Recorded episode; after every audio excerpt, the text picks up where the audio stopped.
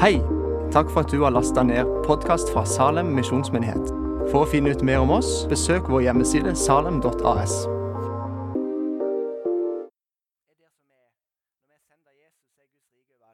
Guds rike er der som menigheten er. ikke sant? Og så kan vi få lov til å peke på Jesus der som er. Og Det er to tekster som jeg skal lese nå først.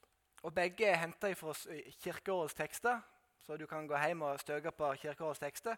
Så kommer disse opp i dag. Og Den første står i Jesaja 43, vers 10-13. Og det kommer opp på veggen. Det er allerede på veggen. Og Der står det dere er mine vitner, sier Herren, og min tjener, som jeg har utvalgt, for at dere skal kjenne meg og tro på meg og forstå at jeg er ham. Før meg er ingen Gud blitt formet, og etter meg skal ingen komme.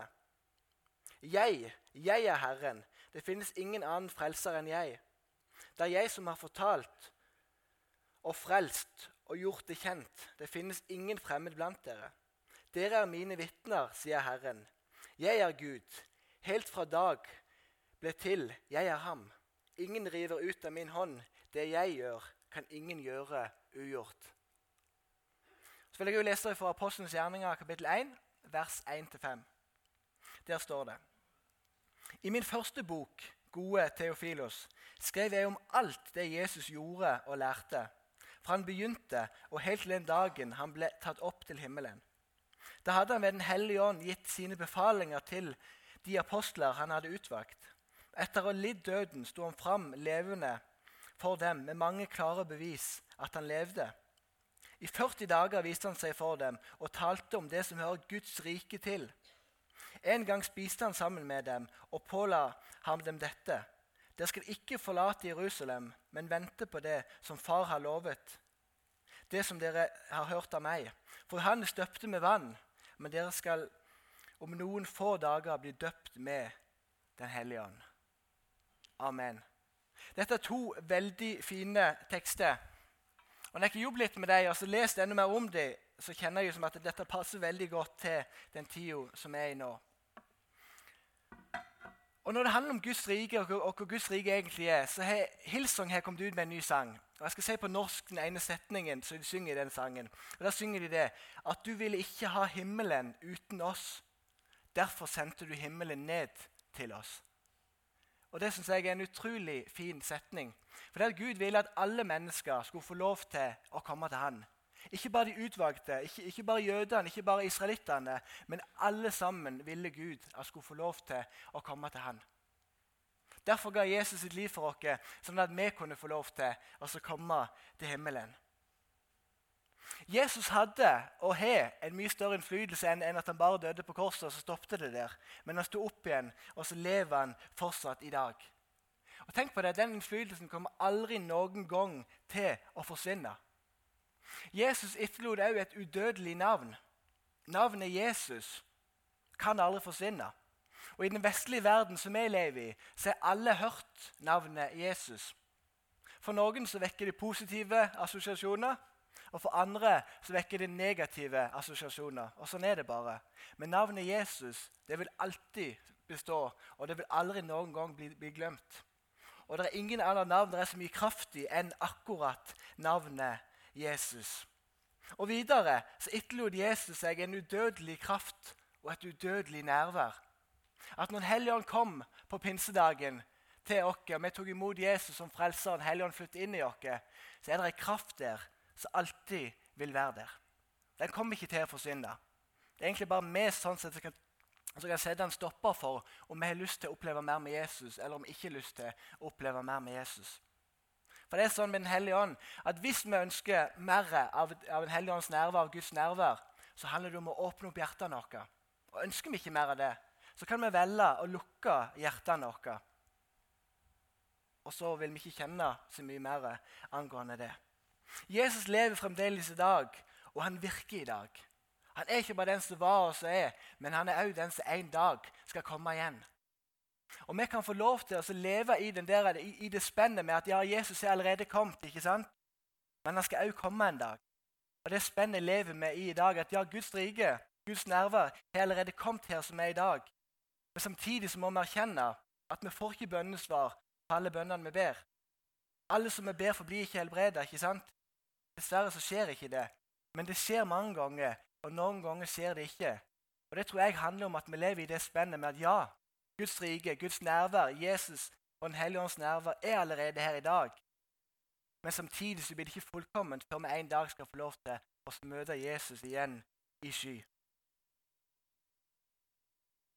Når du leser Apostelens gjerninger, så finner du fort ut det at dette riket som Jesus snakket om når han vandra på jorda, at det fortsetter i oss som tror på Jesus i dag. Det fortsetter i menigheten her, i alle menighetene i hele verden. Så fortsetter dette riket. Og Vi kan mange ganger tenke det, at det hadde vært veldig gøy og det hadde det, å, le, å leve når Jesus levde. ikke sant? At det var akkurat det vi skulle opplevd. Og idet Jesus døde, så skulle vi òg ha dødd ikke sant? for å være med Jesus opp til himmelen. Mange ganger kan vi tenke sånn. Men hvis du virkelig snur på dette, så tenker jeg at jeg ville faktisk heller levd nå. For jeg vet at jeg skal møte Jesus igjen en gang. Men så vet jeg òg at Jesus sendte Den hellige ånd, som gjør at vi skal få lov til å gjøre de samme gjerningene som Jesus gjorde. Når Jesus vandra på jorda, så var Jesus fulgt av Den hellige ånd. Og ja, han fulgte disiplene. Men jeg ser òg at han fulgte de 70 som er det som i Bibelen, med Guds kraft. Men alle andre rundt var ikke fulgt av den samme kraften. Men idet Den hellige ånd kom til jorda, så ble vi alle som tar imot Jesus, fulgt av denne kraften og kan få lov til å leve det samme livet som Jesus levde. Jeg vet ikke hvor mye du tenker på det, men når du virkelig tenker på det, så er vi utrolig heldige som får lov til å leve det nå når vi lever nå, rett og slett. Og så vet vi at vi en dag skal få lov til å møte Jesus igjen. Veldig mange bibelforskere har sagt det, at apostlenes gjerninger burde egentlig ikke hete apostlenes gjerninger, men det burde hete Den hellige ånds gjerninger. Det burde vært navnet på denne boka i Bibelen. For det er jo det det handler om. Hva Den hellige ånd kan gjøre gjennom noen mennesker, noen få mennesker, og hvordan budskapet kan spre seg gjennom de få menneskene der. Og så er jo spørsmålet da hele veien er vi villige til å ta den stafettpinnen videre. Er vi villige til å bære korset og Jesus' død på korset med oss inn i livet? Er vi villige til å tåle at det kommer litt motstand for det at vi tror på Jesus eller vil vi bare ha det enkle, trygge, gode evangeliet der vi kan kjenne at vi, vi føler dette godt, og så gjør vi ikke så mye mer med det? Det kan egentlig bare du ta oss og svare på. Så spørsmålet hva er egentlig Guds rike? Og Nå har jeg ikke lest mye om det her, så jeg fikk en, en enda større åpenbaring om de tingene her. For det er Mange ganger når vi leser om jødene når de møtte Jesus, så blir vi helt sjokkert over at de ikke tok imot Jesus. Hvorfor vil de ikke høre på Jesus? Altså, Han, han, han helbreda syke, og de ble friske. Han vekka til meg opp døde. ikke sant? Han hjalp mennesker som sleit. Til og med mennesker som var besatt av demoner, ba han for, og de ble satt i frihet. Alle de tingene gjorde de, men allikevel så ville ikke jødene akseptere at han var Messias, den, skulle, den som skulle komme, Guds sønn. De veldig heller, altså Flesteparten ville heller gjøre det motsatte. Og så kan vi stille oss spørsmålet, Hvorfor var det da sånn? For de så jo tydelig at Jesus var noe mer enn bare en vanlig mann. Det så de, og ingen kunne benekte det. Men når vi leser Gammeltestamentet, når vi prøver oss å forstå dette begrepet som handler om Guds rike, så leser vi jo at for israelittene og for jødene så var det Gud som var den store fyrsten. Han var den store kongen. Han var den som var med i alle dager. Og hans herredømme, for Guds rike betyr egentlig herredømme, det lå over kongene som var på jødene, altså når israelittene var et stort land. Vi hører om David, ikke sant? vi hører om Saul, vi hører om kong Salomo.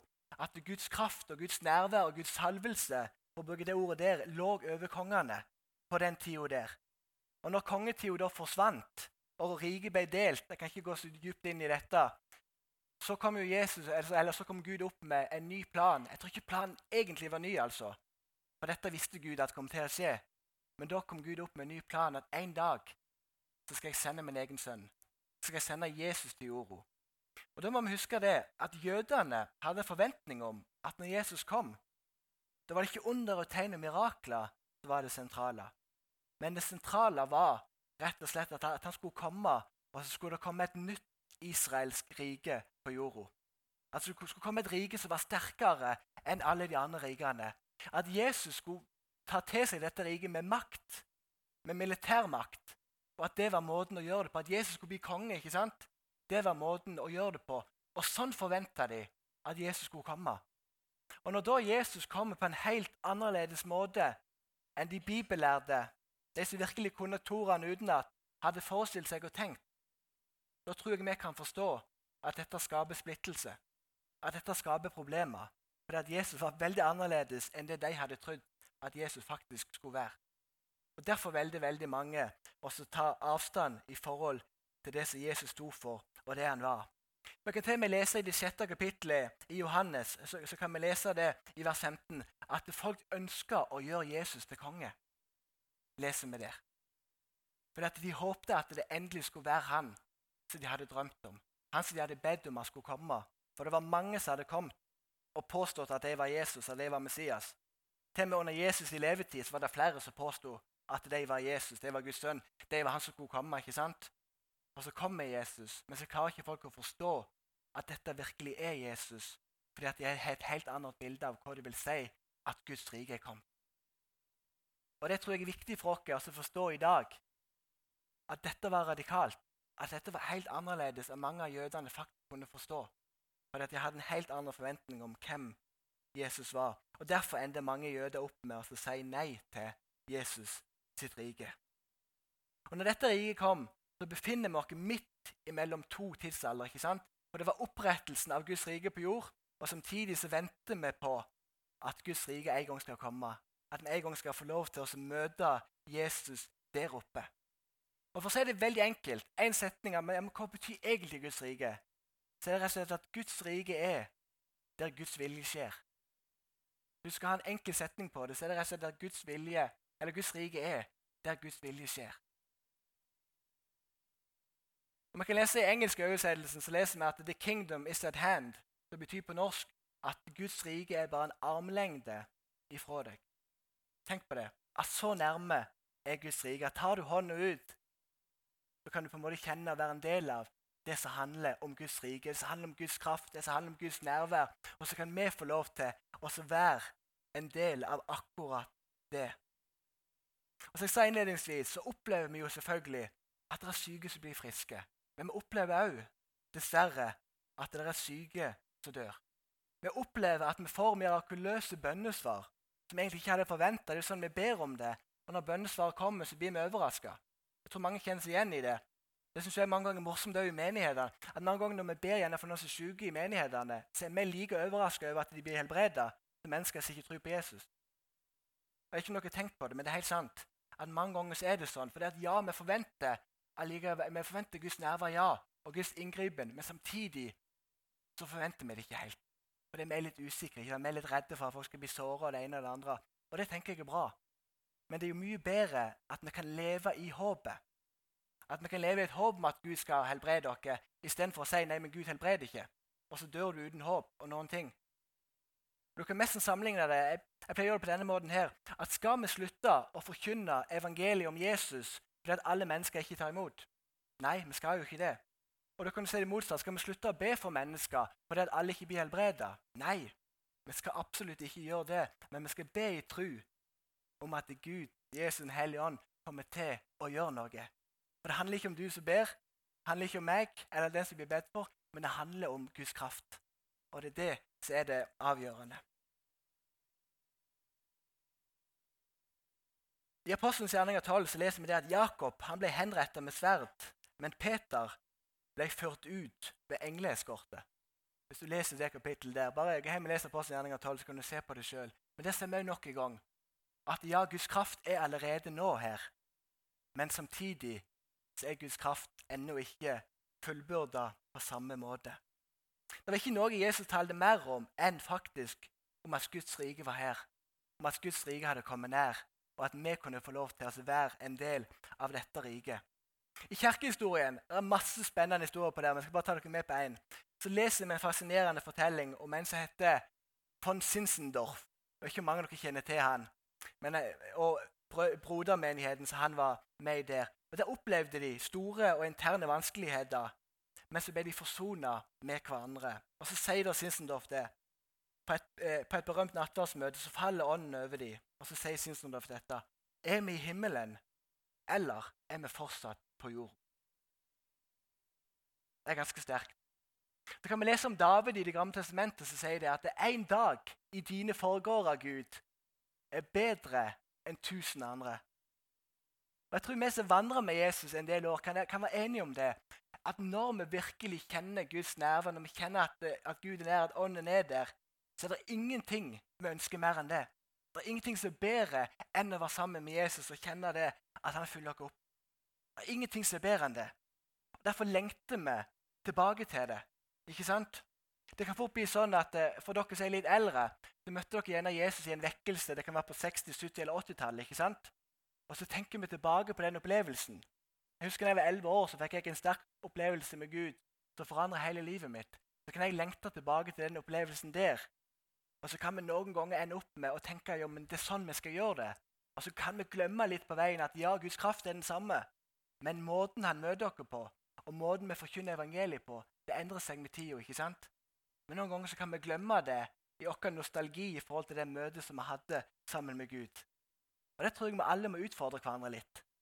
At ja, Guds kraft er den samme, evangeliet er det samme, vi skal ikke endre det. Men så tror jeg at det kommer på ulike måter i de ulike tidene som vi lever i. Det var så tynne vegger mellom, mellom himmel og jord, mellom denne verden og den kommende verden. Mellom det synlige og det usynlige at grev von Sissendorf var i tvil om hvor han var. Og så nærme himmelen følte han at han var. Og Når du leser Apostelens gjerninger, så får du samme følelse. ikke sant? At du, du bare tenker wow, tenk oss levd i dette. Det er jo fantastisk. Når du leser de fortellingene, beretningene, så er der. Men så kan vi få lov til å leve i mye av de tingene der. Så kan vi åpne opp hjertet, så kan vi be en bønn. Så kan vi våge å gå i tro om at det skal skje noe. Og så tror jeg det, at det vil skje noe. For jeg er helt overbevist om at det er noe nytt på veien, det er en ny bølge på veien med Guds kraft. Men så spørsmålet hva velger vi å gjøre med den bølga til på vei nå? Jeg har snakket eh, med mange pinseledere i, i pinsebevegelsen og gjør det jevnlig. Og Der hadde vi en prat om det. at Hva velger vi å gjøre i tida som kommer? Jeg utfordrer de litt på det. at ja, Dere er pinsebevegelsen, dere er kjent for Guds kraft. Ikke gå vekk ifra det, men hold dere til det. ikke sant? Eh, og det er spørsmålet, Hva velger en å gjøre nå der vi lever nå? Er det bare trosforsvar og det vitenskapelige altså, som skal vinne en seier? Ikke sant? Og Det er veldig viktig, det. Eller kan vi klare å kjøre en tosporsmodell der vi er opptatt av Guds kraft, vi er opptatt av Guds nærvær? Jeg tror det at vi blir veldig fattige hvis vi velger å stenge døra for det overnaturlige. Jeg tror vi blir veldig fattige hvis vi velger å stenge døra for de åndelige gavene. Jeg tror vi blir veldig fattige hvis det bare handler mer om at vi skal kunne forsvare troen vår istedenfor å leve i det. Jeg merker det i møte med andre mennesker at når jeg forsvarer min tro, så er det veldig fint og bra. Det er det. Men idet jeg switcher over og forteller om hva Jesus har gjort i livet mitt, forteller om noen opplevelser jeg har hatt, om hvor fantastisk trofast han er, da skjer det noe. Da åpner hjertene seg. Og Jeg prata med en uh, muslim for ikke så lenge siden. Da prata vi sammen om en del ting og diskuterte en del teologi. Men idet jeg switcher over og begynte å snakke om opplevelser som jeg hadde med Gud, så hadde hun ingenting å kunne stille opp med i forhold til opplevelsene hun hadde med sin Gud. for å si, for å si det sånn. Og da skjer det noe. Og Da sier hun, som vi leser om i Apostlenes gjerninger, at du får nesten lyst til å bli en kristen. sa hun. Og det er noe der, at når vi forteller det personlige vitnesbyrdet som vi har opplevd med Jesus, at når vi åpner med livet vårt altså Jeg har sagt før fra denne talerstolen her, at når vi våger å være oss sjøl, at når vi våger å ha styrke i svakhet, når vi våger å åpne oss opp, da knytter vi mennesker til oss. Da får mennesker se at vi er vanlige mennesker. At den eneste forskjellen på oss og dem, det er bare Jesus. Og Det står jo i Johannes kapittel 16, vers 9 eh, at eh, den eneste, den eneste synden en som ikke tror på Jesus, har, det er at vedkommende ikke tror på Jesus. Det er den lille forskjellen. Det hjelper ikke oss å være morallærere at de burde gjøre det og det og det. Ikke det hele tatt. Den eneste forskjellen på deg og meg, det er Jesus.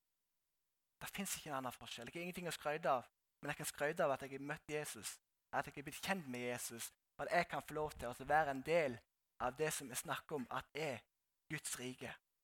Jesus forkynner budskapet om Guds rike. Han forkynner evangeliet, som betyr de gode, gode nyhetene. Og samtidig så demonstrerte han Guds kraft. Han demonstrerte Guds nærvær. Han viste at det var ingen kraft som var sterkere enn den kraften som var med Jesus. Det var ikke vanlig på den tida der når du leser om de første kristne, og leser om når Jesus kom til jorda, så var det ikke vanlig at du ba for mennesker som var besatt av onde ånder, og at de ble friske. ikke sant? Det skjedde ikke. Men når Jesus kom, så skjedde det. Og da skjønte jo folk hva er dette for noe. Dette må være noe nytt, dette må være noe annerledes. Han er kraft som er mye sterkere enn alle andre krefter som er der. Og den kraften er med i vårt liv for det at vi tror på Jesus. Den kraften ligger i den lokale menigheten. og Den kraften ligger her. Og så spørsmålet vil vi gripe hånda ut og ta tak i det, eller vil vi bare leve livet og kose oss med fullt av andre ting? Og Hvordan tolker Jesus da dette riket her? Og Da leser vi jo i Fader vår La ditt rike komme, ber Jesus. La din vilje skje på jorden som i himmelen. At For Jesus så handla Guds rike om at Guds vilje skulle skje på jorda akkurat sånn som Guds vilje sitter i himmelen. Og jeg tenker at Sånn er det med oss òg. At La oss be om at Guds vilje skal skje. La oss be om at Gud skal lede oss, at Han skal bruke oss, og at Han skal være herre i vårt liv. Og For å oppnå dette ikke sant, så trenger vi jo Den hellige ånd. Men vi vet jo det, at idet vi tar imot Jesus, da får vi Den hellige ånd. Men så spørsmålet er hva gjør vi når vi mottar Den hellige ånd? Stopper det opp der, eller utforsker vi litt mer? Prøver meg litt mer? Prøv å lytte til den forsiktige stemmen som vi kan kjenne på innsida noen ganger? Eller la meg være å lytte til den forsiktige stemmen som kommer på innsida vår? Hva kjennetegner Guds rike? Nå kommer det en hel haug med bibler, så det står allerede nå på veggen. Og Det står i Matteus 13,44. Hør på dette. Himmelriket kan lignes med en skatt som var gjemt i en åker. En mann fant den, dekket den til igjen, og i sin glede gikk han bort og solgte alt han eide, og kjøpte åkeren. Guds rike har stor verdi, og det er en så dyrebar skatt at det er verdt mer enn alt det andre. Tenk på det. At det er ingenting som er viktigere når du har fått tak på Jesus, enn Jesus. Da kan de få alt det du eier. Det er ikke noe problem, for du har funnet Jesus. Du har funnet den skatten som mange mennesker dessverre ikke har funnet. Jeg leser 1. Korinterbrev 24, så står det For Guds rike består ikke i ord, men i kraft. At når vi tror på Jesus, når vi vandrer sammen med Han, så er det ikke bare ord vi er fullt av, men vi er fullt av Guds kraft. Vi er fullt av Guds nærvær. Jeg tenker at Dette er et grunnleggende kjennetegn på oss som følger Jesus. At det er noe mer med oss. Det betyr ikke at vi er bedre enn andre, nei. Men det betyr at vi er fullt av en kraft. Vi er fullt av et nærvær. Og jeg tror det er sånn at folk vil merke det på oss at vi har Jesus på innsida. Jeg tror det. Det er utfordrende, ja, men jeg tror det er sånn det funker.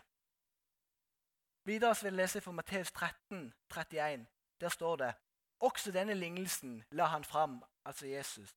Himmelriket kan lignes med et sennepsfrø som en mann tok og sådde i åkeren sin. Og Når jeg leser på dette, så tenker jeg potensial. At la oss ikke glemme det enorme potensialet som det er i Guds rike. Og Selv om jeg er ung, så har jeg funnet ut én ting. Og Det er igjen, ekstra for oss som er litt yngre. så jeg funnet ut det, At vi har veldig ofte en tendens til å overvurdere hva Gud kan gjøre på to uker ikke sant? eller på to år. Og Gud kan gjøre alt på to år, ikke misforstå meg. Men så undervurderer vi alltid hva Gud kan gjøre på fem år, på ti år, på 15 år og på 20 år. Og Tenk om vi kunne våget å drømme litt lenger. Tenk om vi kunne våget og så tok det på alvor, det som står her i Bibelen. Så tror jeg at enda mer hadde skjedd. For Gud har ikke så dårlig tid som vi mange ganger har. Og det tror jeg dere som eldre vet mye bedre enn meg. At Gud har god tid. Men Gud har kontrollen. Det må vi huske. Videre så leser vi i Matteus 12, 28. Men er det ved Guds ånd jeg driver ut de onde åndene, Der er jo Guds rike kommet til dere. Og Der leser vi at Guds rike handler om befrielse. At vi kan kjenne at livet er tungt, vi kan kjenne at livet er vanskelig. Så kan få komme og be for oss. Så kan vi kjenne at Gud setter dere fri. Du kan sjekke ut hvis du vil Romerbrevet 14, 17, Matteus 13, 45 og Matteus 16, 9, det står, eller 19. Det står på veggen der. Sjekk det ut når du kommer hjem. For vi har ikke anledning akkurat nå til å gå inn på det. Guds rike er et oppdrag. Og hvordan kan vi gi dette riket videre til andre mennesker? Og Da leser vi i Matteus 10, vers 7. Og der dere kommer, skal dere forkynne. Himmelriket er nær. Og hva betyr det? Jo, det betyr at vi skal forkynne riket om Jesus Kristus. At vi skal fortelle mennesker at uansett hva du har gjort, eller kommer til å gjøre, så er det tilgivelse for deg. Tenk på det. Så fantastisk er Jesus. At det alltid er en ny start. At det alltid er en ny begynnelse. Og da er spørsmålet hva gjør vi med dette budskapet? Hvordan bærer vi med oss dette budskapet der som er hverandre? Hvor bildet, Jeg sier det mange ganger, men det er så viktig for meg, men hvor bildet er vi av Jesus der som er hverandre? Hvor bildet er du av Jesus der som du vandrer? Og Jeg underviser i evangelisering på Ansgar bibelskole på andreårslinja der. Og jobber mye med det. Så jeg tenkte på det at, at veldig ofte når vi snakker om evangelisering Jeg tok, jeg tok en test på elevene òg. Så kan jeg spørre dem bare som bang. Når du hører evangelisering, hva tenker du da? Og så svarer de med en gang jo, det er Gud på gata. Ikke sant? Og Det kan du gjøre sammen med deg òg, for alle tenker det. Men så tenker litt videre på det, men hva betyr det egentlig å fortelle om Jesus? Og da jeg tenkt det, at alt det vi gjør, livet som vi lever, det vitnesbyrdet som vi er, alt det er faktisk evangelisering. Alt det er å peke på Gud. Tenk på det. At det statusene som vi velger å legge ut på Facebook, for eksempel, det peker på hva forhold vi har til Gud. Det viser hva som er viktigst i livet vårt. Bildene vi legger ut på Instagram, viser jo akkurat det samme. Hva er det viktigste for oss? Og Mange ganger så tenker vi ikke over det her. Måten vi møter andre mennesker på, det viser hvem Jesus er. Måten vi oppfører oss på i ulike sammenhenger, det viser faktisk hvem Jesus er. Så Tenk på det at alt det vi driver med, er faktisk evangelisering. At vi er et levende vitnesbyrd på Jesus der som er hverandre. Jeg tror ikke vi tenker så mye over det, men det er helt sant. Og det er jo spørsmålet, Hvor lys er vi, hvor bilde er vi av Jesus der som er hverandre? Lever vi liv som vi tror at folk blir tiltrukken av? At når de treffer meg, så tenker de ja, det livet Jonny lever, det vil jeg leve. Eller tenker de motsatt? At det livet han lever, det vil iallfall ikke jeg leve. Det er jo det store spørsmålet her. Og vi er alle sammen vitner. Vi kan ikke gjemme oss bak noe på noen måte. Men vi er alle sammen vitner på Jesus der som er hverandre. Og Øystein Gjerme sa det veldig bra når han var her og hadde en sånn en smålederkveld for et halvt år siden. Og Da fortalte han om eh, en sann historie da, om en person som hadde bestemt seg for at vedkommende skulle være et vitne for Jesus. Og det her med den klassiske setningen som kommer fra William Booth, eller egentlig Frans av Assisi, forkynne evangeliet om nødvendig bruk ord. Og Det er en veldig bra setning, men jeg føler at vi gjemmer oss veldig bak den. Han hadde bestemt seg for på sin arbeidsplass han hadde jobbet der i 30-40 år, at jeg skal forkynne evangeliet. Om nødvendig så skal jeg bruke ord. Og Det var ingen i løpet av de årene som hadde funnet ut at han trodde på Jesus. det er helt fakta. Og så hadde han sånn en avslutningsfest. De hadde kaker og hele pakken, og det var god stemning. Og Så kunne folk reise seg opp og så kunne de si noe fint til han, og takke han for det han hadde gjort. det han hadde betydd. Og Så var det en, som reiste seg opp og så sier han, det er du. Jeg har ikke alltid følt at det var noe annerledes med deg. Og Da tenkte denne mannen at nå kommer det. Halleluja. Nå ser han jeg er kristen og tror på Jesus. ikke sant? Han har merka det hele livet. Og Så blir det helt stille, og så spør han er du vegetarianer.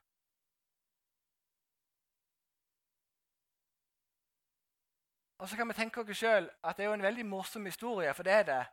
Men samtidig så er det en enormt alvorlig historie. For Jeg skulle ønske at det skinte så gjennom oss at folk merker at det var noe med meg. At folk merker at det er noe med deg. At de merker at det er en kraft, det er et nerver, det er en godhet, det er en kjærlighet som vi ikke kan beskrive, og som vi kanskje aldri har møtt før. Det er dette riket vi skal vitne om. Det er ingen Gud før Gud. Det leser vi i den andre teksten. Gud er alt for meg. Han er begynnelsen, han er slutten. Det fins ikke noen andre veier til Gud enn gjennom Jesus. Bibelen er så tydelig på det. Og vi sitter på svaret. Og i alt vi gjør, i alt vi sier, i alt vi ikke sier, så er vi vitner for Jesus.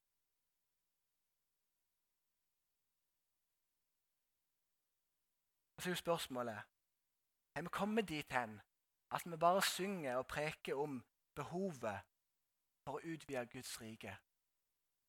og så glemmer vi det. Har vi kommet dit hen at vi kan bli så møtt av Jesus på et møte at tårene renner, og så kommer vi hjem, og så glemmer vi at vi står i en kamp. Så glemmer vi at det viktigste vi kan ta med oss den dagen vi dør på her, det er, det er sjela, det er menneskers frelse. Vi får ikke med oss huset, vi får ikke med oss båten eller hytta eller bilen eller alle bildene på Facebook. ikke sant? Vi får ikke med oss alt det. Men det eneste vi får med oss, det er mennesker. Så spørsmålet hvor mye griper det dere på dypet at mennesker ikke tar imot Jesus? Hvor mye treffer dere der som er hverandre? Jeg bare stiller spørsmål, jeg skal ikke svare på akkurat det. Har vi blitt så sekulariserte at vi begrenser tilværelsen og livet til det kroppen kan føle, og det øynene kan se, at vi glemmer Gud? Mange ganger så handler det bare om det vi kan se og det vi kan føle, og så glemmer vi Gud midt oppi alt det. Jesus snakker i bergpreken om de klassiske åndelige øvelsene. Dere kjenner til det, Om å gi gaver, om bønn, om faste. Og at dette skal vi gjøre i det skjulte. Og så skal Herren lønne dere i det åpenlyste. ikke sant? Vi leser det. Men så er spørsmålet har vi blitt så opptatt av hva alle andre mennesker mener rundt dere, at vi mister blikket på hva sier du, Jesus? Hva mener du, Jesus? Hva er viktigst i livet mitt, Jesus? Mens nå i dag så søker vi bekreftelse og oppmerksomhet i, i alt det andre ser rundt dere. Det er ganske sprøtt når du leser om de tingene der, at det endrer seg totalt. På 1900-tallet skulle vi bygge en nasjon i Norge, jeg leste om i historien. At det var nasjonen som sto i sentrum. Nå, 100 år senere, så er det meg som står i sentrum. Så er det du som står i sentrum. Nasjonen er ikke så viktig, men det viktigste er hvem jeg er, hvor langt jeg kan komme, hvor berømt jeg kan bli, hvor fint hus jeg kan få, og det ene og det andre. Og så merker vi det i møte med mennesker. At folk drømmer om å komme dit hen i forhold til materialisme. Så kommer de dit hen. Så er ikke det nok. Så må du opp på neste nivå, og så fortsetter den kampen sånn. Så kan folk kjenne på at det er noe på innsida som de mangler. Og da tenker jeg at det er bare Jesus som kan fylle det eksistensielle behovet som ligger på innsida hos mennesker. Og du er bærere, bærer av den krafta der. Jeg skal gå til avslutning nå. Har vi begynt å tilbe det skapte framfor skaperen? Det er jo et spørsmål som jeg, som jeg må stille oss. Jeg må stille meg. At Er det Jesus som er viktigst, eller er det alle tingene jeg eier? som er så fantastisk som er viktigst. Vi er Jesu vitne. Du er Jesu vitne der du er. Guds rike er der hvor Gud regjerer og hans vilje skjer. Matteus 60, som jeg sa tidligere. La ditt rike komme. La din vilje skje på jorden som i himmelen. Guds rike er bare en armlengde unna. Så er spørsmålet vil du gripe tak i dette. Vil vi som menighet gripe tak i dette for oss og spre de gode, fantastiske nyhetene om Jesus Kristus? Det er det store og det siste spørsmålet jeg stiller dere. For vi er alle kalt til å fortelle om den fantastiske Gud som vi tror på. Om Jesus var villig til å ofre absolutt alt, sånn at vi skulle få lov til å komme til han. Vi skylder Jesus alt. Han skylder oss ingenting. Selv om vi mange ganger tenker det. Men vi skylder Jesus alt. Og vi kan få lov til å være bilder på Jesus der som er hverandre. La meg be en bønn til slutt. Kjære Jesus, jeg bare takker deg for det at du er kongenes konge. At du er herrenes herre. Takker deg for det at Guds rike er bare en armlengde ifra oss. Og at vi kan få lov til å gripe tak i dette riket, far. Og Jeg ber deg far om at du må legge en nød på mitt hjerte, at du må legge en nød på alle menneskene som er inni sitt hjerte, og på hele menigheten sitt hjerte, om at det viktigste vi kan gjøre som mennesker, det er å fortelle andre mennesker om deg. Det er å vise andre mennesker hvor fantastisk god du er, Jesus. Jeg tror det, at Når vi virkelig har møtt deg, og når vi virkelig kan fortelle hvem du er til andre mennesker, akkurat sånn som du er, så tror jeg det er vanskelig å si nei. For det er så full av kjærlighet, er du, far. Så fyll dere opp med den samme kjærligheten, far. Fyll dere opp med det samme nærværet, Jesus. Det er bare å be deg om, far. Så jeg vil bare velsigne alle her inne. far. Legge alle her inne i dine hender. far. Og be deg om at de skal føle på en sånn god følelse av at ikke at de må, for det at de må ut og fortelle om deg, men de skal kjenne på en lyst til å være vitne om deg, far. For det er det det handler om, far. At du gir ikke lyst til å gjøre sånn og sånn. og sånn. Det handler ikke om å ta seg sammen far. men det handler om at du forandrer oss på innsida av Jesus. Ditt fantastiske gode navn, Jesus. Amen. Da kan eh, mannsgruppa som de heter i dag, ikke mannskoret, går rykter om, komme opp her. Og så vil de eh, lede dere i noen sanger. Og Hvis du er inne og du kjenner at du har lyst til at noen skal be for deg, så er du hjertelig velkommen til bønnerommet som er bak til høyre der.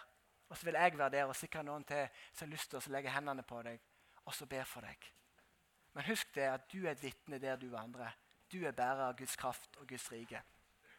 Amen.